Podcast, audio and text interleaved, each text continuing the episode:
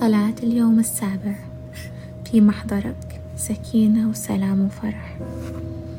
أبوي السماوي ربي يسوع أجي عند محضرك يا رب. في محضرك سكينة وسلام وفرح.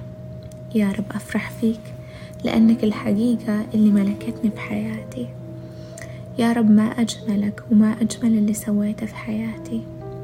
يا رب أسبحك على المعجزة اللي سويتها في حياتي. يا رب كنت غرقانة في وحل وضايعة في الظلمة.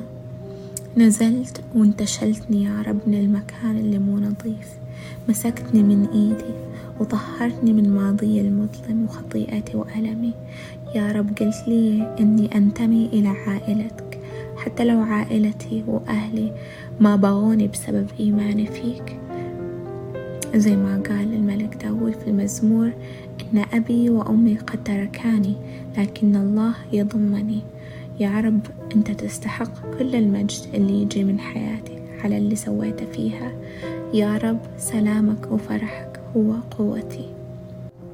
نصلي باسم الرب يسوع. آمين.